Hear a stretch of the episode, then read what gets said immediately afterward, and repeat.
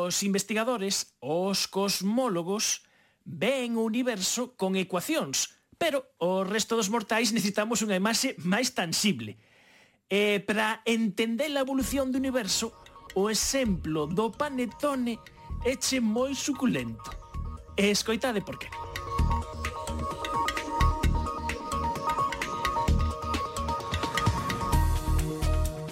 moi boas noites. Un saúdo de César Goldi, Martín Pauli, Irene Vaspino, Xavier Pérez Couto e Manuel Vicente. Somos o equipo de Efervesciencia.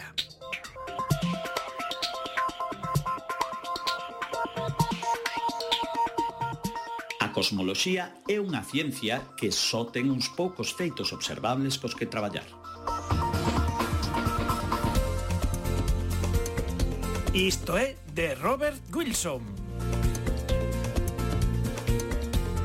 Hai unhas semanas saquei unha foto coa miña flamante cámara a uns amigos no Fusco Lusco nunha fermosa posta de sol. E sorprendentemente no retrato o ceo aparecía con cores violetas. Que raro, pensei. Onde están eses fermosos tons alaranxados da hora dourada? Estará mal calibrado o balance de brancos da miña cámara? Mandei a foto en cuestión aos meus amigos, pero editeina para quitar eses tons violetas tan pouco profesionais. O que non sabía nese momento é que o fallo non estaba na miña cámara de fotos, senón que o presunto culpable andaba a 2000 km afastado de min, na Illa da Palma. Sí, o volcán. Os volcáns teñen a capacidade de producir aerosois na estratosfera. E seica, en determinadas circunstancias, estes aerosois son quen de dispersar a luz azul do ceo. E en combinación cos tos avermellados do crepúsculo, dan lugar á chamada luz púrpura, que foi a que registrou a miña cámara. Un resultado inesperado pode achegar información extraordinaria.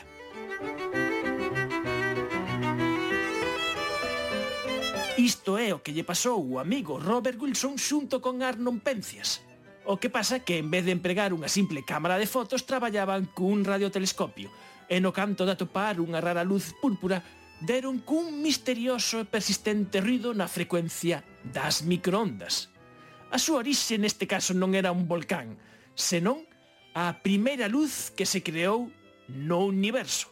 Benvidos a Efervesciencia, hai outros mundos pero está neste. Efervesciencia. Doses de ciencias en contraindicacións. Patrocinado pola FECIT, Fundación Española para a Ciencia e a Tecnoloxía, Ministerio de Ciencia e Innovación, unha colaboración da Universidade de Santiago e a Radio Galega. Co apoio da Axencia Galega de Innovación da Xunta de Galicia.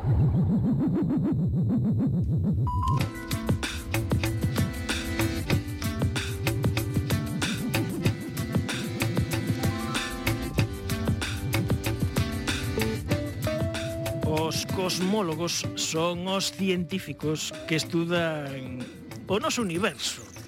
Estudan esas preguntas que se facía a Siniestro Total, eh, de onde imos, eh, onde estamos, de onde vimos, onde imos acabar. Eh, quizáis é un dos ámbitos máis fascinantes da ciencia. Antón Baleato, moi boas noites. Moi boas noites. Antón Baleato é cosmólogo, está facendo o seu eh, postdoutoramento en Berkeley.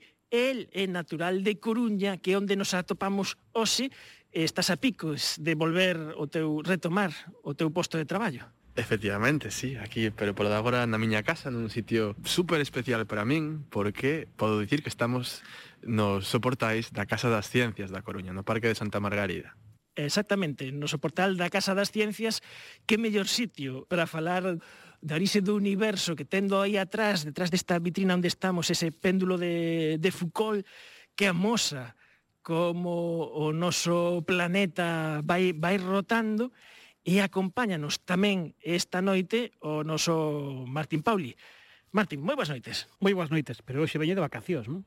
Hoxe ves de vacacións, hoxe temos te aquí, bueno, para que nos axudes a facer esta conversa, xa explicaremos logo por qué, para manter esta conversa que imos ter con, con Antón, que Antón foi un, unha das fichaxes que tivestes neste Congreso Estatal de Astronomía que tanto, tanto aproveitamos en efervesciencia. E tanto, e tanto que sí. Eh, bueno, máis que unha fichase foi unha sorpresa, non? Porque porque foi de alguma maneira foi el quen se que se propuxo para participar no noso congreso e así identificamos, localizamos a, a, esta, a este cosmólogo da Coruña, de Feans, eh, a quen logo fichamos de volta cando veu de ferias polo Nadal para que dese unha conferencia magnífica na Casa das Ciencias, no Planetario, non?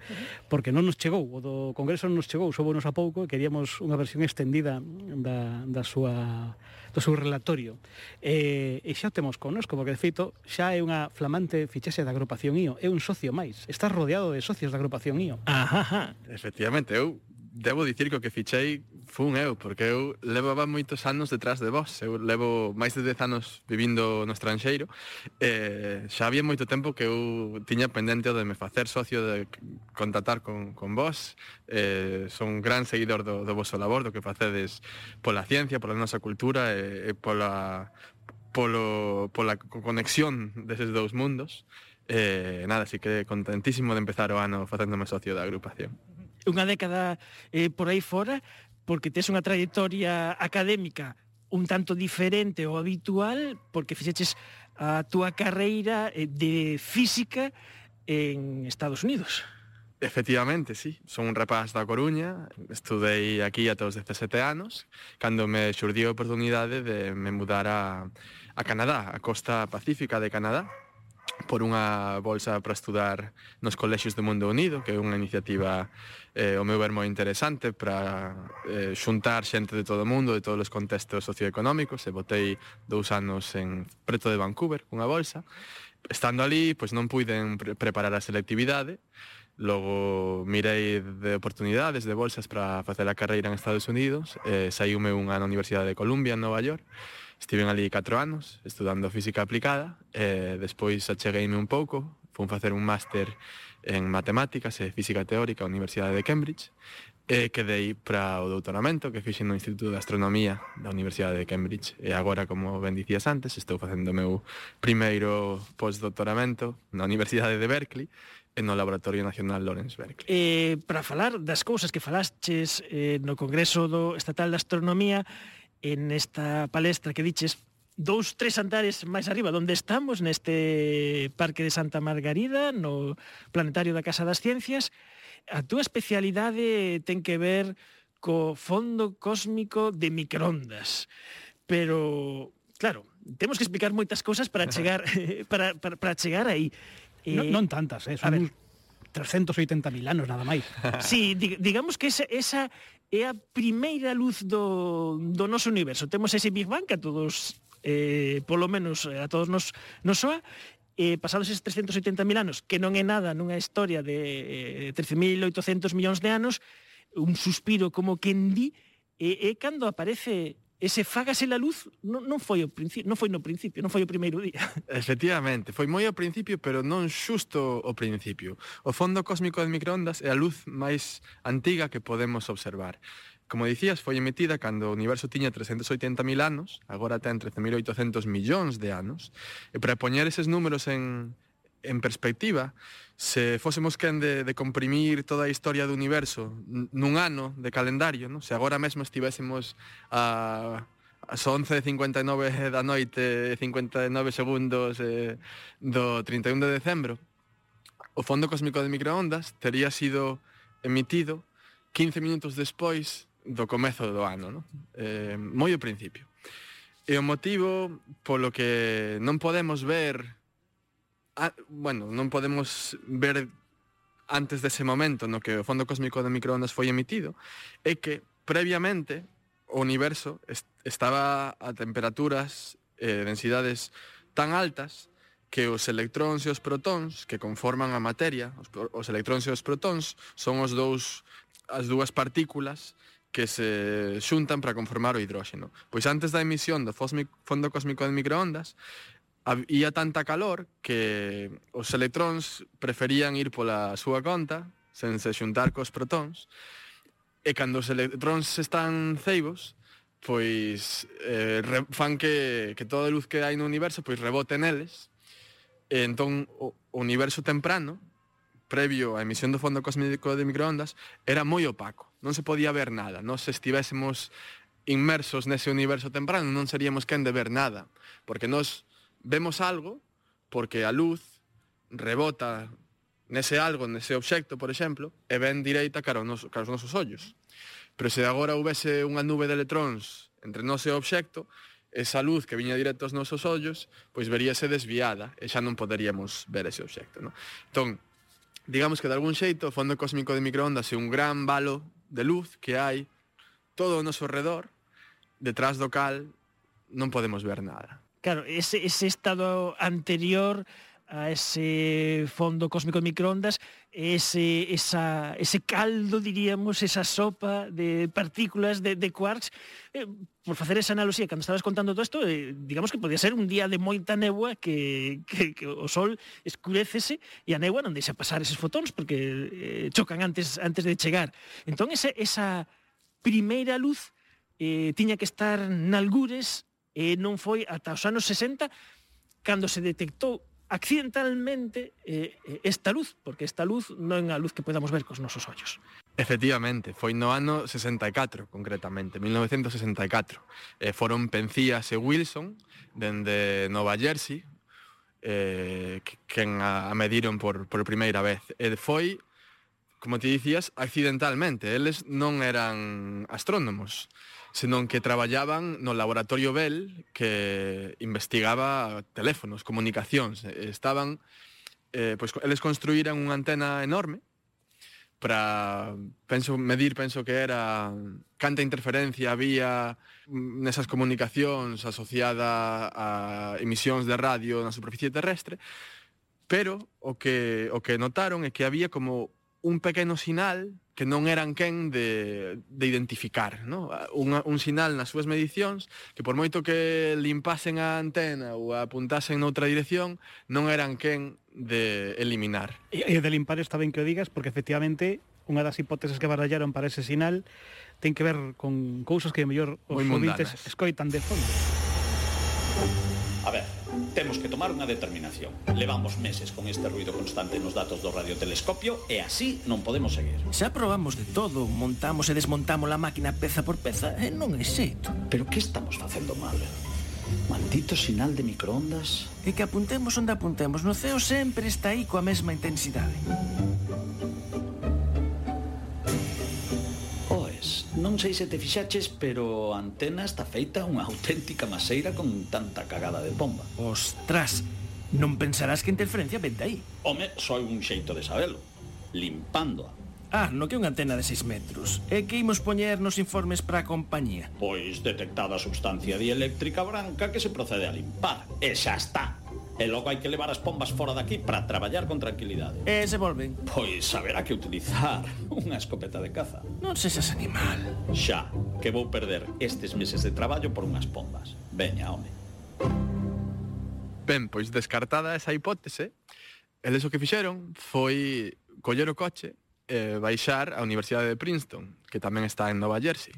E ali estaba un moi noviño James Peebles, eh, o seu director de tese, eh, Dique, que xusto naquela entonces estaban a considerar as consecuencias observables dun hipotético Big Bang, dun hipotético comezo do universo. Eh, a radiación era máis ou menos igual en todas as direccións, foi realmente a, a chave para entendermos que a súa orixe é cósmica, que non ven nin da Terra, nin da nosa galaxia, porque de ser así habería direccións do, no ceo, no direccións a, nas que apuntando a antena cara aí, pois mediríamos máis ou menos, dependendo de se estamos mirando cara a fonte da radiación ou non. Como esta radiación viña con igual intensidade en todas as direccións, pois soubose que eh, tiña que vir do universo entendido con mayúscula. ¿no? Esa radiación de microondas antes a podíamos a, mesmo ata detectar nas nosas casas, porque nos vellos televisores analóxicos de tubo mm, que agora non temos porque ocupan moito espazo, eh, parte do sinal analóxico se detectaba cando estábamos a sintonizar ese ruido blanco, unha porcentaxe moi pequeniña, era precisamente esa radiación. Efectivamente, que é algo unha idea preciosa, non crees? podermola ver cos nosos ollos. Tamén podemos pensar que esa mesma luz está a incidir sobre nós neste mesmo momento. Neste momento estánche caendo en riba fotóns que levan viaxando 13.800 anos só para chegar e eh, darche a ti unha abazada. Ah, ben, e, e, a, e a pregunta que, que, que se fará moita xente dicir, por que é unha luz que non vemos? Claro, moi boa pregunta para outra parte. Bueno, de estarmos ali presentes naquel universo temprano, non? nadando naquel caldo, sí que poderíamos ver. O que pasa que o universo vense expandindo dende entón. Non? Eh, o universo comeza cun Big Bang, ese momento inicial, e a partir de aí empeza as distancias entre os puntos empezan a medrar, o universo empeza a expandirse. E segundo fai, vaise enfriando. E cando a luz cando a temperatura baixa, no? esa, esa, esa, esa luz, ese conxunto de fotóns, ten unha temperatura que, que os define, digamos. No? Eh, esa nube pode dicir que ten certa temperatura. E segundo se vai expandindo, pois vais enfriando. É como a, cando enchemos un globo de aire, se o comprimimos, ese aire quence, no? está a máis temperatura. Pois cando o universo se expande, a luz, digamos que, que se vai cansando de algún xeito, no? eh, técnicamente dicimos que o seu espectro se escorrega cara ao vermello, no? e ao final, hoxendía, está primariamente, principalmente, no, no rango das microondas do espectro. Tamén chega incluso un pouquiño o radio, eh, pero bueno, máis intensidade ten na, no, nas microondas. Eu, eu isto que acabas de contar do, do que o universo está en expansión, máis ou menos o entendo, pero quedaríamos moito máis claro se fixéramos algunha boa comparación mm, culinaria. e isto se entende mellor se falamos de masas. Uh -huh. Efectivamente, como un bo panetone, ¿no? Un, por un, exemplo, por exemplo. Sí, sí, sí, pois podemos pensar que o universo é un panetone, é un panetone con pasas dentro ou pepitas de, de chocolate, ¿no? E que esas pasas, cada unha delas é unha galaxia. E a masa que as rodea eh, pois simplemente espazo, baleiro, por simplificar moito as cousas, non? Uh -huh. Entón, cando nos metemos esa masa con pasas no forno, eh, encendemos o forno, o, o pan empeza a medrar, non? Eh, a dist, eh, segundo vai medrando, por que medra? Porque a masa se está a expandir, non? Eh, entón, se ti estiveses se, se, se nos encollesen e nos puxesen nunha das pasas, nos veríamos que todas as outras pasas están a afastar de nós eh, canto, canta máis masa haxa entre nós e outra pasa, pois máis rápido veremos que esa pasa se afasta de nós. Non, eh, non hai nada único coa nosa pasa, non é unha pasa especial, senón que se estivésemos en calquera outra das pasas, pois veríamos o mesmo. Non? Isto, isto é, ademais, é un dato ben importante, mm. porque nese panetone eh, digamos que se oímos zampar, ímolo comer, non habería ninguna parte do panetone que tivese máis pasas que outras ou que tivese menos, senón que da igual que parte repartas, que sempre vai saber o mesmo. Non habería peleas por, polo, por repartir. E as pasas, ademais, non cambian de tamaño. O cal tamén importante, as galaxias tampouco. Efectivamente. E isto ten unhas implicacións cosmolóxicas ben fondas. Sí, sí, sí, é un, unha das... Bueno, un dos dos elementos fundamentais da cosmoloxía moderna é o feito, o non sei se feito, senón que é unha algo que asumimos, non? Que non que a noso a nosa localización no universo non ten nada de especial, non? Que non vivimos nun punto privilexiado do universo, eh, senón que a grandes escalas todo o universo é igual, non? É, é a partir desa hipótese que podemos resolver as ecuacións de Einstein eh, e estas poden nos dicir cal foi a orixe do universo, como é agora e cara onde vai. ¿no? Uh -huh. Entonces, vivimos nun universo que se se ve desde moi lonxe, o sea, se se ven, claro, se o vemos desde onde estamos aquí, ao Parque de Santa Margarita, obviamente non hai ningures que ningún sitio como este. Pero se imos, collemos o satélite, imos nos afastando, imos collendo escalas, saímos do noso sistema solar, da nosa galaxia, empezamos a ver galaxias eh, bueno, vista unha, vista, vista toda. Efectivamente. É como se, se mirásemos a superficie do mar, no? se estivésemos aí nunha chalana no medio do océano, e conxelásemos a imaxe un momentiño. No? Parece que ao noso redor todo é distinto. Hai unha onda por aquí, outra onda por ali. No? Obviamente, a xulgar por ese punto pequeno do, do océano, pois todo é moi diferente. No? Pero, sen embargo, se eh, subes a un helicóptero e miras dende arriba ou miras dende un satélite, de repente todo empeza a verse de moi homoxéneo, ¿no? E o mesmo acontece con o noso universo. A pequenas escalas, pois hai grandes variacións eh, no que hai nunhas zonas o que hai noutras. Pero se facemos zoom inverso, zoom para arriba, zoom para arriba, pois todo empezase a, a homoxeneizar. Esta radiación inicial, a primeira luz, que agora non podemos ver cos nosos ollos, non podemos ver co visible, pero si detectar... Bueno, bueno, podemos ver unhas fotos estupendas por aí adiante. Ah, bueno, claro. Que se poden proxectar mesmo a toda a cúpula. Pódense... Pe... A ver, a ver, a ver, este boicot aquí. eh, non podemos ver no visible a non ser que as de, recollamos cunhas antenas e transformemos esa radiación en colorines e, e poder vela e poder por, por exemplo o que fixo Antón de aproveitar un planetario que ten unha cúpula que normalmente se proxecta en plano de poder presentar unha cousa que se asemella ao, ao mapa do noso universo. Efectivamente, eh, quero agradecerlle a, a Casa das Ciencias, ao seu persoal, pois terme dado a oportunidade de facelo, porque para min foi moi importante poder ver esa luz a cúpula inteira. Eu botei 4 anos eh, facendo o meu doutoramento sobre esta imaxe, estudando esta imaxe, e nunca a vira no seu contexto, ah, que é nunha cúpula curva, non? sempre viras en fronte, nunca estiveches envolto pola fondo cósmico de microondas, como por outra parte estamos envoltos. Efectivamente, uh -huh. sí señor. E, e digamos que eh, o importante que tiña, eh, o importante dos detalles, porque eh, esa radiación tamén cumple esa premisa de que, o que decíamos ao principio, olles para onde olles, é exactamente igual.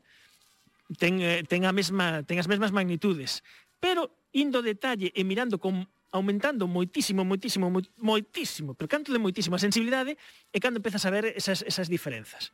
Así é. Eh, isto foi, bueno, descubrir esas pequeñas variacións na intensidade desta luz en distintas direccións foi realmente algo que cambiou o paradigma da, da cosmoloxía.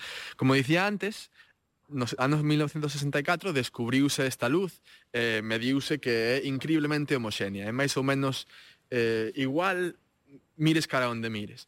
Pero no ano 1980 houve unha revolución teórica eh, na que Alan Guth, sobre todo, eh, foi o primeiro en pensar eh, neste modelo, despois seguiron outros como Andrei Linde, inventaron ou descubriron eh, un modelo que podería explicar por que o universo ten as propiedades que ten. Este modelo chamouse a inflación. Eh, consiste en que durante a primeira ínfima fracción... Atención que veñen curvas. ínfima fracción de segundo de existencia do universo, pois sen sabermos por qué, o universo de súpeto empezou a expandir, pero de xeito acelerado, e fixo durante de, bueno, que non sei nin como decir, es que, dicir este número. No, que creo que o número, que, que 10 a menos 34 ou unha cousa Algo así. Algo así, sí, sí. Medrou de tamaño un 10 eh, seguido de 26 ceros, creo que é. Polo menos. Eh, e despois parou, empezou, eh, empezouse a expandir de maneira eh, bueno, sen, sen ser de maneira acelerada, simplemente expandíndose como a quen deixa correr o coche. De feito, foi, claro, nun, nun tempo tan pequeno que, que non habería cámara ultra rápida para medilo, é, é imposible, pero as comparacións, eu teño visto comparacións, para facernos unha idea, porque casi imposible meter isto na, na cabeza, que sería o equivalente de que teñamos un universo que sexa o tamaño dun grande arroz e de súpeto, instantaneamente, é tan grande como o sol. Así, pero o bestia, que decir, pim, pom. Pois sí, tal cual, tal cual. E, es, e iso é, polo menos, o sea, para poder ser o, este modelo consistente co que observamos, o universo ten que ter medrado polo menos esa cantidad, esa, esa, proporción. Es, esa proporción, pero podría ter medrado moito máis simplemente non o poderemos saber.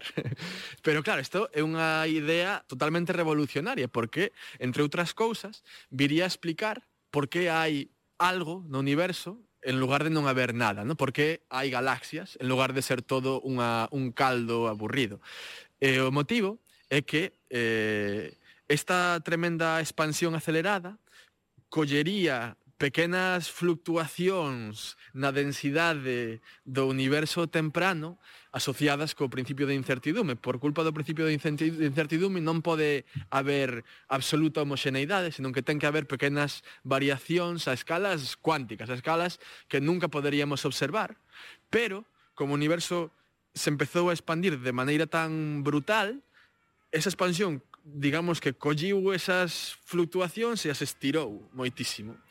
E esas fluctuacións cuánticas estiradas a escalas máis tangibles, pois serían as sementes a partir das cales medraron as galaxias eh, todo o que existe nas galaxias do universo que hoxe temos ao noso redor. Eh, recapitulando, que decir que esas cosas que aparecen eh, en que a física é así, a escalas moi moi moi pequeniñas, que dis que non é todo igual, que aparecen partículas, desaparecen, eh, que, que, pero a escala moi moi moi pequena, esa multiplicación exponencial, esa explosión fixo, que iso se trasladase do micro o, o macro de algún xeito. Justamente. Eh, pero algo que, claro, que é difícil de que entre na cabeciña. Necesito con urgencia transfusión de. Eu, eu vou facer un comentario mesmo anterior, porque unha das cousas que me gustou moito a min da conferencia de, de Antón é algo que sempre se dá por suposto e está ben que algún día alguén o explique, que, que, que forma ten esa imaxe que parece trivial, e de feito non ten moita importancia, pero algo que sempre estamos afeitos a ver esa imaxe cunha forma ovalada. Sí, e nunca certo. te preguntaches, e por que ten esa forma? Como ves realmente ese radiación de fondo que nos envolve? Porque realmente nos envolve. Sí, sí, porque ves, ves, ves esa forma ovalada, ves nese ecuador o que sería a nosa, a nosa galaxia, pero a min sempre se me pareceu a, a por que non un cadrado, por que claro, non unha foto recortada. A mí sempre se me pareceu os, os planisfe, os os, os mapas do mundo cando se desenvolven e, e, e se xiran, que adoptan esa forma, esa proxección, como unha forma así. A mí sempre me sonou eso, pero non é sei. que é exactamente ese o motivo. Non hai nada de fundamental eh, en, bueno, en ter escollido esa forma ovalada. De feito, te toda a razón, Martín, que penso que en todas as charlas que se vean sobre o fondo cósmico de microondas hai que empezar por aí, por ah, claro, explicar sí, sí, sí, sí porque porque a xente chamalle atención, como é normal, non? Claro, eh... porque podes pensar e dicir, ah, entón o noso universo é, é un elipse, non? Claro. Sí, sí, e tampouco, e tampouco é que teña esta proxección vantaxes sobre outras a, a hora de extraer información científica ni nada, porque a realidade é que o, a, a análise faise nun, nun nun, nunha etapa anterior, non na etapa de ter xa proxectada a esa, esa imaxe así.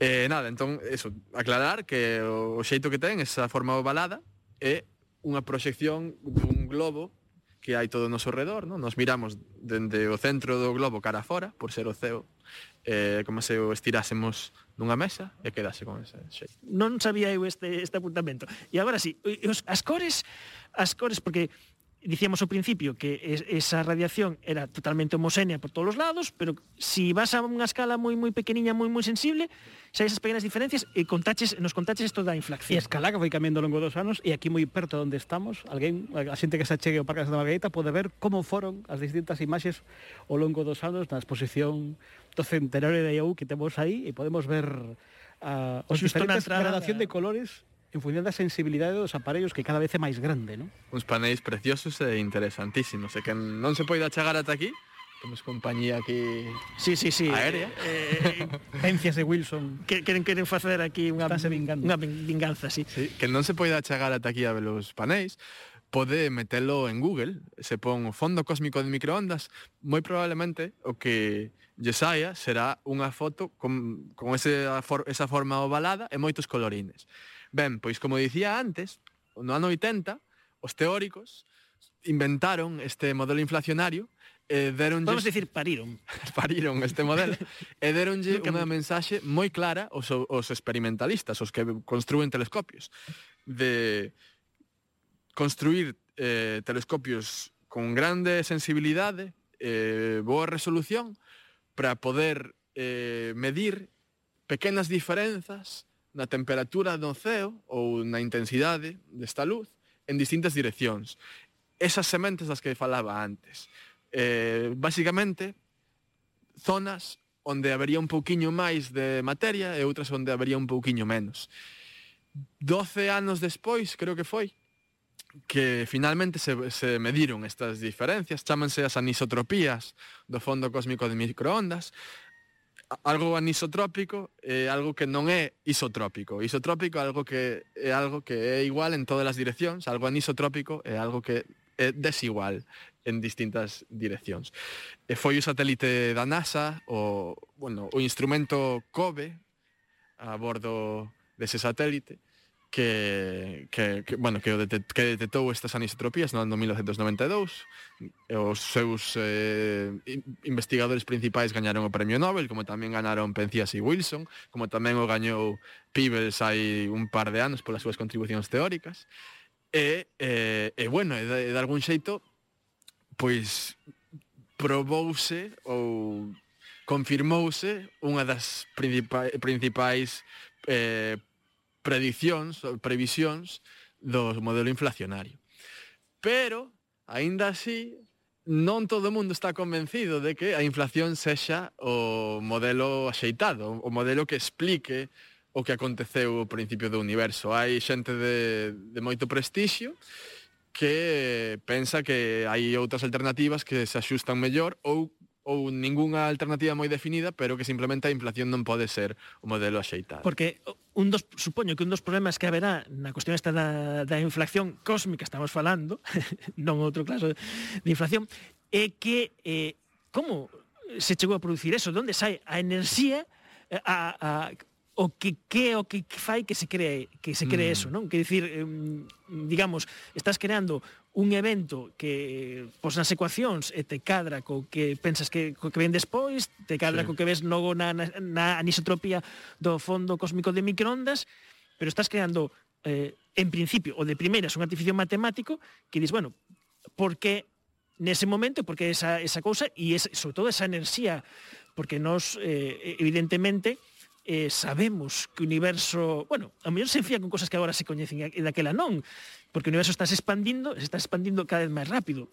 Non sei se, se hai unha relación coas novas cosas que se saben cosmoloxía, coa orixe desta do... Boa pregunta, boa pregunta. O...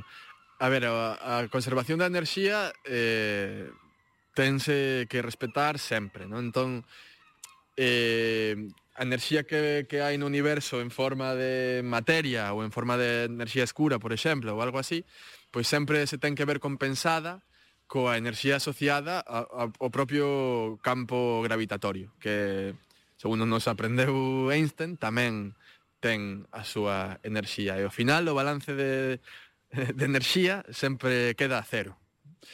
Eh, tamén suxería se pode estar eh, conectada á expansión acelerada que, que hoxe domina o universo, algo que aínda non, non chegamos, pero que se cadra poderemos falar del, eh, bueno, diso máis tarde. Temos que facer logo máis capítulos, eh, Algún seguro, capítulo máis? Creo que vai ser varios capítulos porque explicar todo toda a cosmolo, cosmoloxía sí eh, nun programa de efervesciencia, home, nos quedamos imos pro paro, entonces imos deixar algo para outro. Ben, spoiler, eh... a, a ver, Antón de unha charla que se chamaba Pasado, presente e futuro do universo, eh. sí. Con modestia. Metínme, metínme aí nun, nun, nun lío, pero bueno, eh, espero que non saíse a xente máis confundida de, do hmm. que entrou. Eh, ben, pero como, como dicíamos, eh, o, o universo, que o principio de todo se expandiu de xeito acelerado, despois acougou un pouco, eh, continuou expandíndose, pero eh, de maneira non acelerada, como que deixa o coche no punto muerto, eh, deixa que corra, pero dende máis ou menos a a segunda metade da súa vida, o universo vese expandindo de xeito cada vez máis acelerado. Non sabemos por qué. E isto sabese desde hai relativamente pouco tempo. Dende hai relativamente pouco. Si, sí, foi nos anos 90 que mm, primeiro que nada foron certos eh, certos certas observacións da distribución de galaxias que xa eh, fixeron ver que algo non cadraba xa hai artigos do ano 90 do, do APM Survey eh, que, que postulaban que se cadra facía falta unha a, a, a constante cosmolóxica que predecir a Einstein que despois desbotara dicindo que, que tiña sido o seu peor erro. O ¿no? peor erro da miña vida. Sí, pois xa no ano 90, 1990 xa había certas indicacións de que algo non cadraba e foi no ano 1998 que dous eh, equipos distintos eh, mediron directamente que as galaxias ao noso redor, bueno, medindo, medindo o, o ritmo a, o que estas galaxias se afastaban de nós, pois inferiron que o universo se está a expandir de xeito cada vez máis eh, rápido, é dicir, de xeito acelerado. Uh -huh. E daí a existencia desa enerxía escura, que dicir que non se sabe moi ben o que que, que tira a turra, e isto é equivalente a que ti lanzas un balón para arriba e a gravedade fai que caia, pero se ti o lanzas e cada vez empeza a sair máis máis rápido e máis rápido para arriba, e que hai unha enerxía algo que está tirando del, non? É o que está pasando co, sí. co noso universo.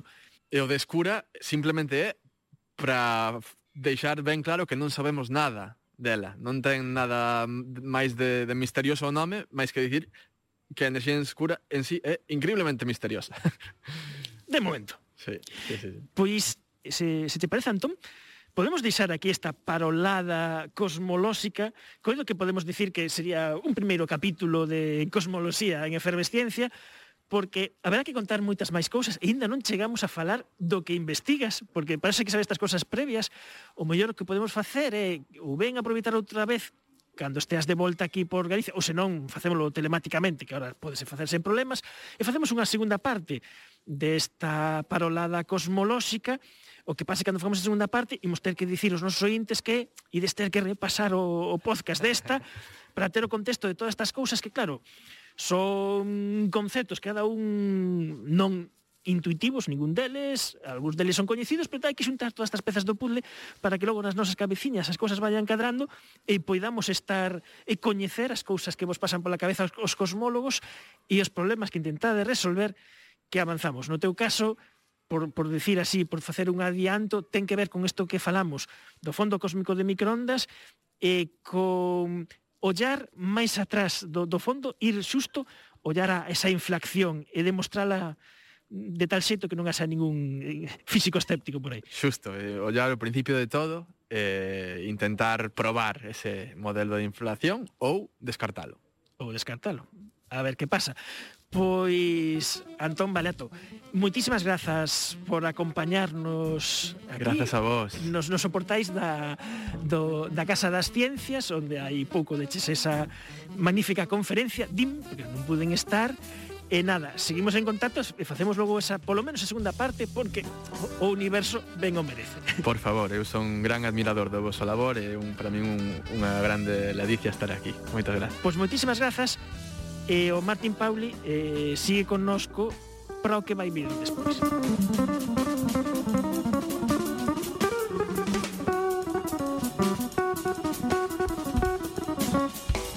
Thank you.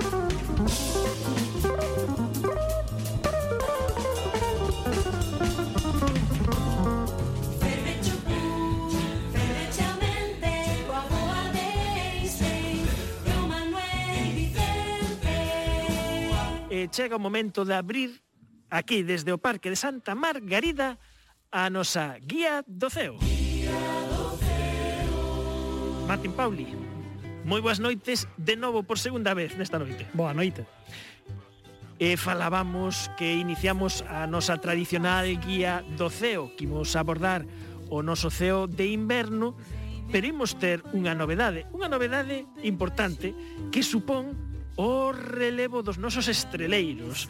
Da nosa Irene Vaspino que hoxe non pode estar connosco e do noso Martín Paulin que despois de estar acompañándonos durante bueno, moito máis que unha década de facendo, de contándonos eh, como é o CEO, de sendo os nosos os nosos compañeiros, guías, animadores para observar o CEO para tamén loitar contra a contaminación luminosa, pois chega o momento de bueno, deixar que veñan novas xeracións a contarnos estas cousas. Sí, eu creo que os ouvintes van a agradecer, eh? xa deben estar cheos de escoitarnos a nós. 10, 12 anos falando de, de, do hexágono de inverno, do triángulo de verán, xa deben estar fartiños, non? Home, pero sempre haberá algún ointe que se, que se incorpora novo, sempre vamos aí cambiando cosas, pero bueno, pero para nós foi eh, durante todos estos anos unha experiencia absolutamente maravillosa poder gozar da, da, vosa, da vosa presencia, da vosa colaboración. Agardamos que no futuro podamos argallar cousas novas con Irene desde quizáis desde o seu ámbito como ambientalista, con cousas eu non sei, isto da contaminación luminosa é o que nos traerá moitas máis, esperemos que boas novas, quen sabe, e seguiremos facendo... Habrá que volver as noites efervescentes cando se poida. As noites efervescentes cando se poidan, ir a mellor algún congreso por aí a Portugal, dos nosos amigos portugueses tamén se cadra. E, en este programa no que decimos este este adeus aquí a, a Martín Pauli, eh, eh, traesnos a máis un pequeno agasalliño unha, un, sí, un pequeno agasallo que é un calendario que se fixo desta vez sí, en versión física, o calendario 2022 de mulleres científicas en astrofísica nuclear, que é un proxecto europeo, un proxecto científico, que tivo como un dos seus resultados a, a produción deste material divulgativo, eh, que o ano pasado coñeceu unha versión, insisto, eh, digital xa, en formato PDF en moitos idiomas, e agora este ano ten versión en papel tamén en moitos idiomas, é unha dele, un DLC o galego. Fixemos unha traducción a Naulla, a quen coñecen ben os teus ouvintes, e un servidor. Eh, temos exemplares mesmo para agasallar os ouvintes. Non sei que pedirles que fagan algo. Nada, eu creo que que non lo pidan por Twitter. Eh, Exacto. Eh, os tres primeiros que non lo pidan por Twitter, pois mandámoslle por correo postal, a volta do correo postal, un destes calendarios. Calendario con monípticos e mapas do CEO da agrupación IO e, e tamén para completar. E dixemos relevo na guía do CEO. Isto quere dicir que vai haber alguén voluntarioso que vai coller este relevo e vai ter eh, a misión de, de facer de facernos estes acompañamientos polas noites dos CEOs de Galicia quedades en moi boas mans, eh? de feito quedades en mellores mans. Eh, o amigo e compañeiro Xavier Pérez Couto, Astro Xavi nas redes, eh, ten unha canal de YouTube xa moi premiada nos últimos tempos, eh, con que nos últimos meses pois, fixemos moitas actividades, eh, de divulgación da astronomía, moitas observacións públicas, eh, moitas máis cousas que fixemos e que faremos, espero, nos próximos anos, e vai ser no sucesivo quen vos guíe nas noites estreladas do noso país? Eh, Xavier Pérez, Astro Xavi, moi boas noites, benvido a Fervesciencia. Moi boas noites, Manuel, que tal? Eh, nova fichase no mundo efervescente que ten o mérito, entre, entre outras cousas, de baixar a nosa media de idade do equipo de colaboradores. que falta facía falta facía. Bueno, o tempo pasa, é como un universo, eh, o tempo vai para diante, non temos xeito de botalo para atrás, mm, e temos tamén canteira novos colaboradores e novas colaboradoras que tamén van nesa liña, e ti és eh, matemático, pero eh, remataches a túa carreira facendo investigación en astronomía. Eh, sí, eu outra dos xeitos que atopei tamén un pouco sobre profundizar eh, nesta materia foi decidindo facer o meu traballo de fin de grau de matemáticas sobre catálogos astronómicos e, e bases de datos astronómicas, que son un pouco os catálogos astronómicos que temos eh, agora máis contemporáneos. E, e dese xeito, pois, me permitiu digamos, eh, facendo un, facer un estudo sobre como foi evolucionando a información astronómica ao longo da historia, pois a ver que se foi descubrendo en cada século eh, eh, tendo unha idea bastante xeral no? sobre, sobre a historia da astronomía, sobre o que se sabe, sobre o que falta por, por saber, eh, en xeral pois ter un bo esquema para logo divulgalo imos eh, poñer, eh, poñerte a prova desde xa e queremos un pouco comentar, repasar eh, a que nos prestaría dedicarlle atención durante estes, eh, estes meses que quedan para rematar o inverno, cal vai ser o teu percorrido? Que bonito verbo, prestar. para comezar, eh, as primeiras horas da noite, nestes días, estaríamos falando sobre as sete, sete cuarto, como sabemos desde o solsticio que foi o pasado mes, os días van medrando pouco a pouco, eh, podemos ver hacia oeste que como sabemos é onde se van poñendo as cousas, e con as cousas me refiro ao sol, pero tamén á lúa e as estrelas, xa que ao fin e ao cabo non son estes obxetos os que se moven por si sí mesmos, que tamén teñen o seu movimento propio, senón que é a Terra que ao xirar en sentido antihorario, visto desde o polo norte, é dicir, desde o oeste al este, fai que as estrelas que están fixas no ceo, unhas coas outras, se desplacen en sentido antihorario, de leste este a oeste. Eh, que podemos eh, demostrar aquí que temos detrás noso o noso famoso péndulo de Foucault da Casa das Ciencias que amosa precisamente ese, ese movimento. Efectivamente. E, e seguindo un pouco, a partindo un pouco desta base, pois o que resulta máis interesante é comezar a observar o ceo polo oeste, xa que é onde se atopan os obxetos, as estrelas e as constelacións que antes van a desaparecer. Se nestes días miramos hacia o oeste, eh, a primeira, xusto despois de que se poña o sol, tras o sol por, Aínda estamos a tempo de ver un punto moi brillante no ceo antes de que saian o resto das estrelas. A moi baixa altura é necesario eh, ir a un sitio cun horizonte bastante despexado. Isto non é unha estrela, é o planeta Xúpiter, que se queredes ver, de, debedes de bulir, porque quedalle unha semana, como que en día, antes de que se poña no, no horizonte, e non o poidamos volver a ver ata, ata verán e unha serie tamén de, de estrelas, indo xa as constelacións, eh, bastante interesantes. Hai tres en concreto nesta, nesta zona do ceo, no, no oeste, que brillan moito e que forman un triángulo, este triángulo coñécese como o triángulo de verán, eh, diredes, bueno, estás me timando xa porque sí, sí, xa, no, no, xa, xa empezamos comezamos mal, claro. mal porque non estamos en verán, este estás equivocando. Bueno, chamase así porque eh, non, non que se, só se poida ver no verán, senón que no verán se atopa na rexión máis elevada do ceo.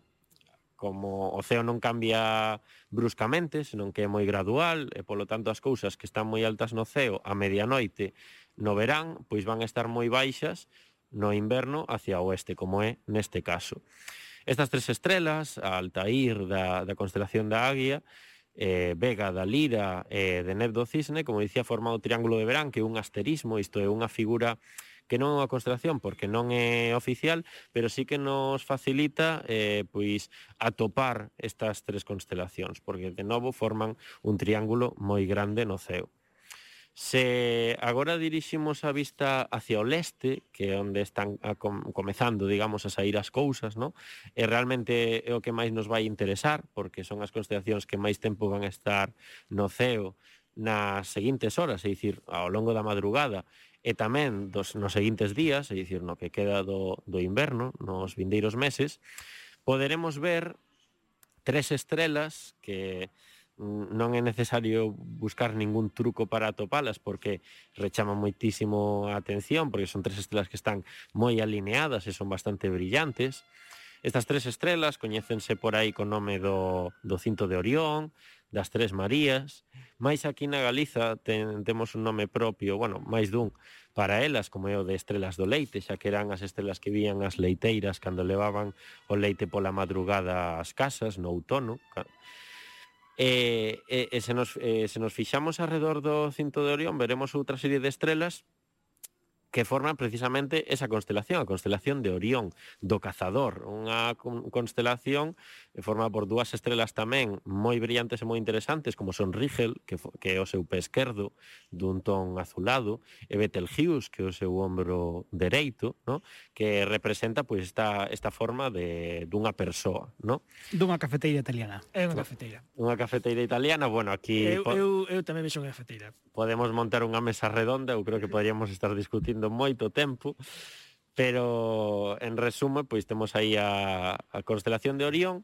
Se nos fixamos xusto en baixo de Orión, eh, onde estaría a súa espada, que se di, vemos unha zona bastante difusa, parecen como varias estrelas eh, moi pegadas, moi pequenas. Eh, iso é a nebulosa de Orión, ou gran nebulosa de Orión, que recibe este nome precisamente por ser a nebulosa, nebulosa o xeto do océo profundo máis brillante, polo menos no hemisferio norte, e que cuns prismáticos podemos desfrutar moito.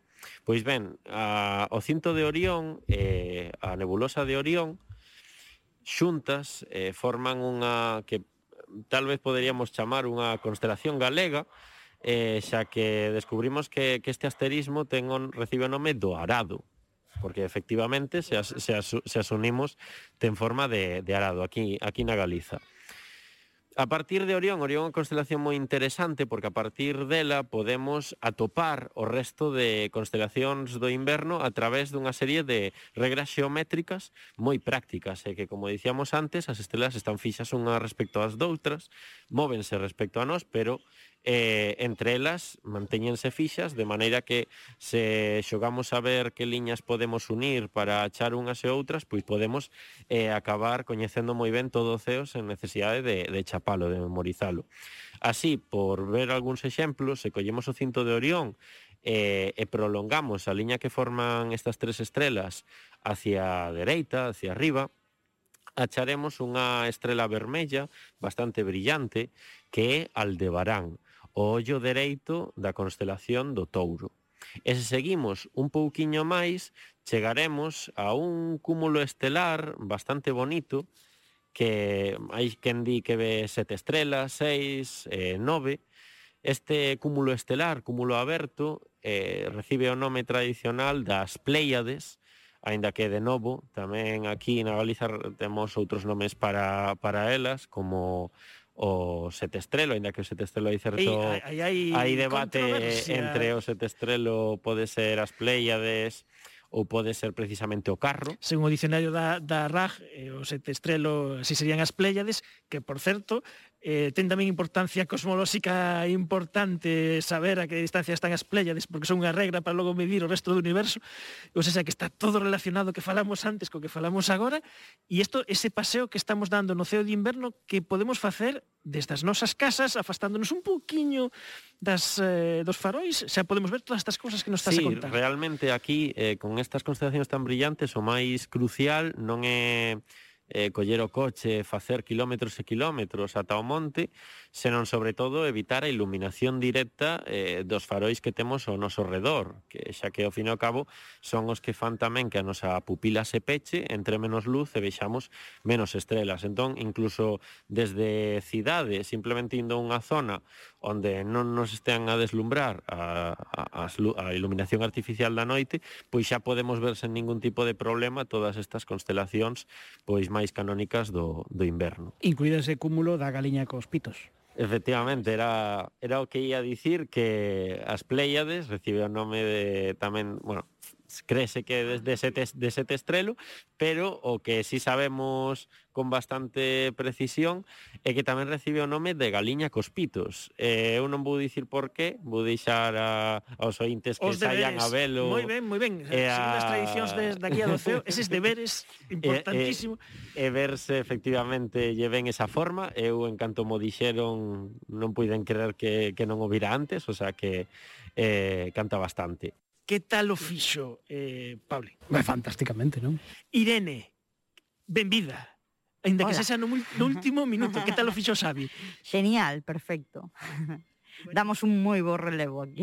Irene Vaspino, a nosa rapaza cósmica, a nosa parella do Martin Pauli desta guía do CEO que nos acompañou durante tantos anos, ahora engancharemos -te de cando en cando bueno. mellor para falar unha cousiña de medio ambiente, moitísimas grazas. Non, eu son son eu quen quero agradecer sobre todo aquí a pois pues, pois pues, por suposto a, a Manuel Vicente por por, por todos estes anos, por esta oportuna, por oportunidade eu que estou aquí en calidade de, de mera afeccionada á astronomía e, e bueno, co, co único obxectivo de intentar a a xente con este tema de, de mirar cara arriba e, e atopar certas regras no ceo, non? E, e que bueno, que esperamos ter a, eh, acadado e, e dando aquí un, un perfecto relevo a, a, a Xavi, por suposto. Así que moitas grazas. Moitísimas grazas os dous eh, de, de corazón eh, por todos estes bons momentos, no meu nome, de todos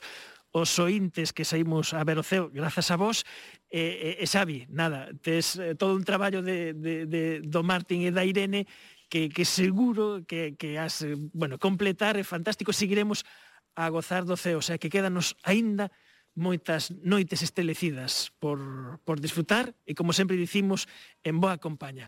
Martín Pauli, Irene Maspino e Astro Xavi, Xavier, moitísimas grazas. Moitas grazas a ti. Grazas a ti. Moitas grazas. Efervesciencia. Patrocinado pola FECIT, Fundación Española para a Ciencia e a Tecnoloxía, Ministerio de Ciencia e Innovación, unha colaboración da Universidade de Santiago e a Radio Galega. O apoio da Xencia Galega de Innovación da Xunta de Galicia. A vindeira semana volveremos con máis ciencia na sintonía da Radio Galega. Adeus.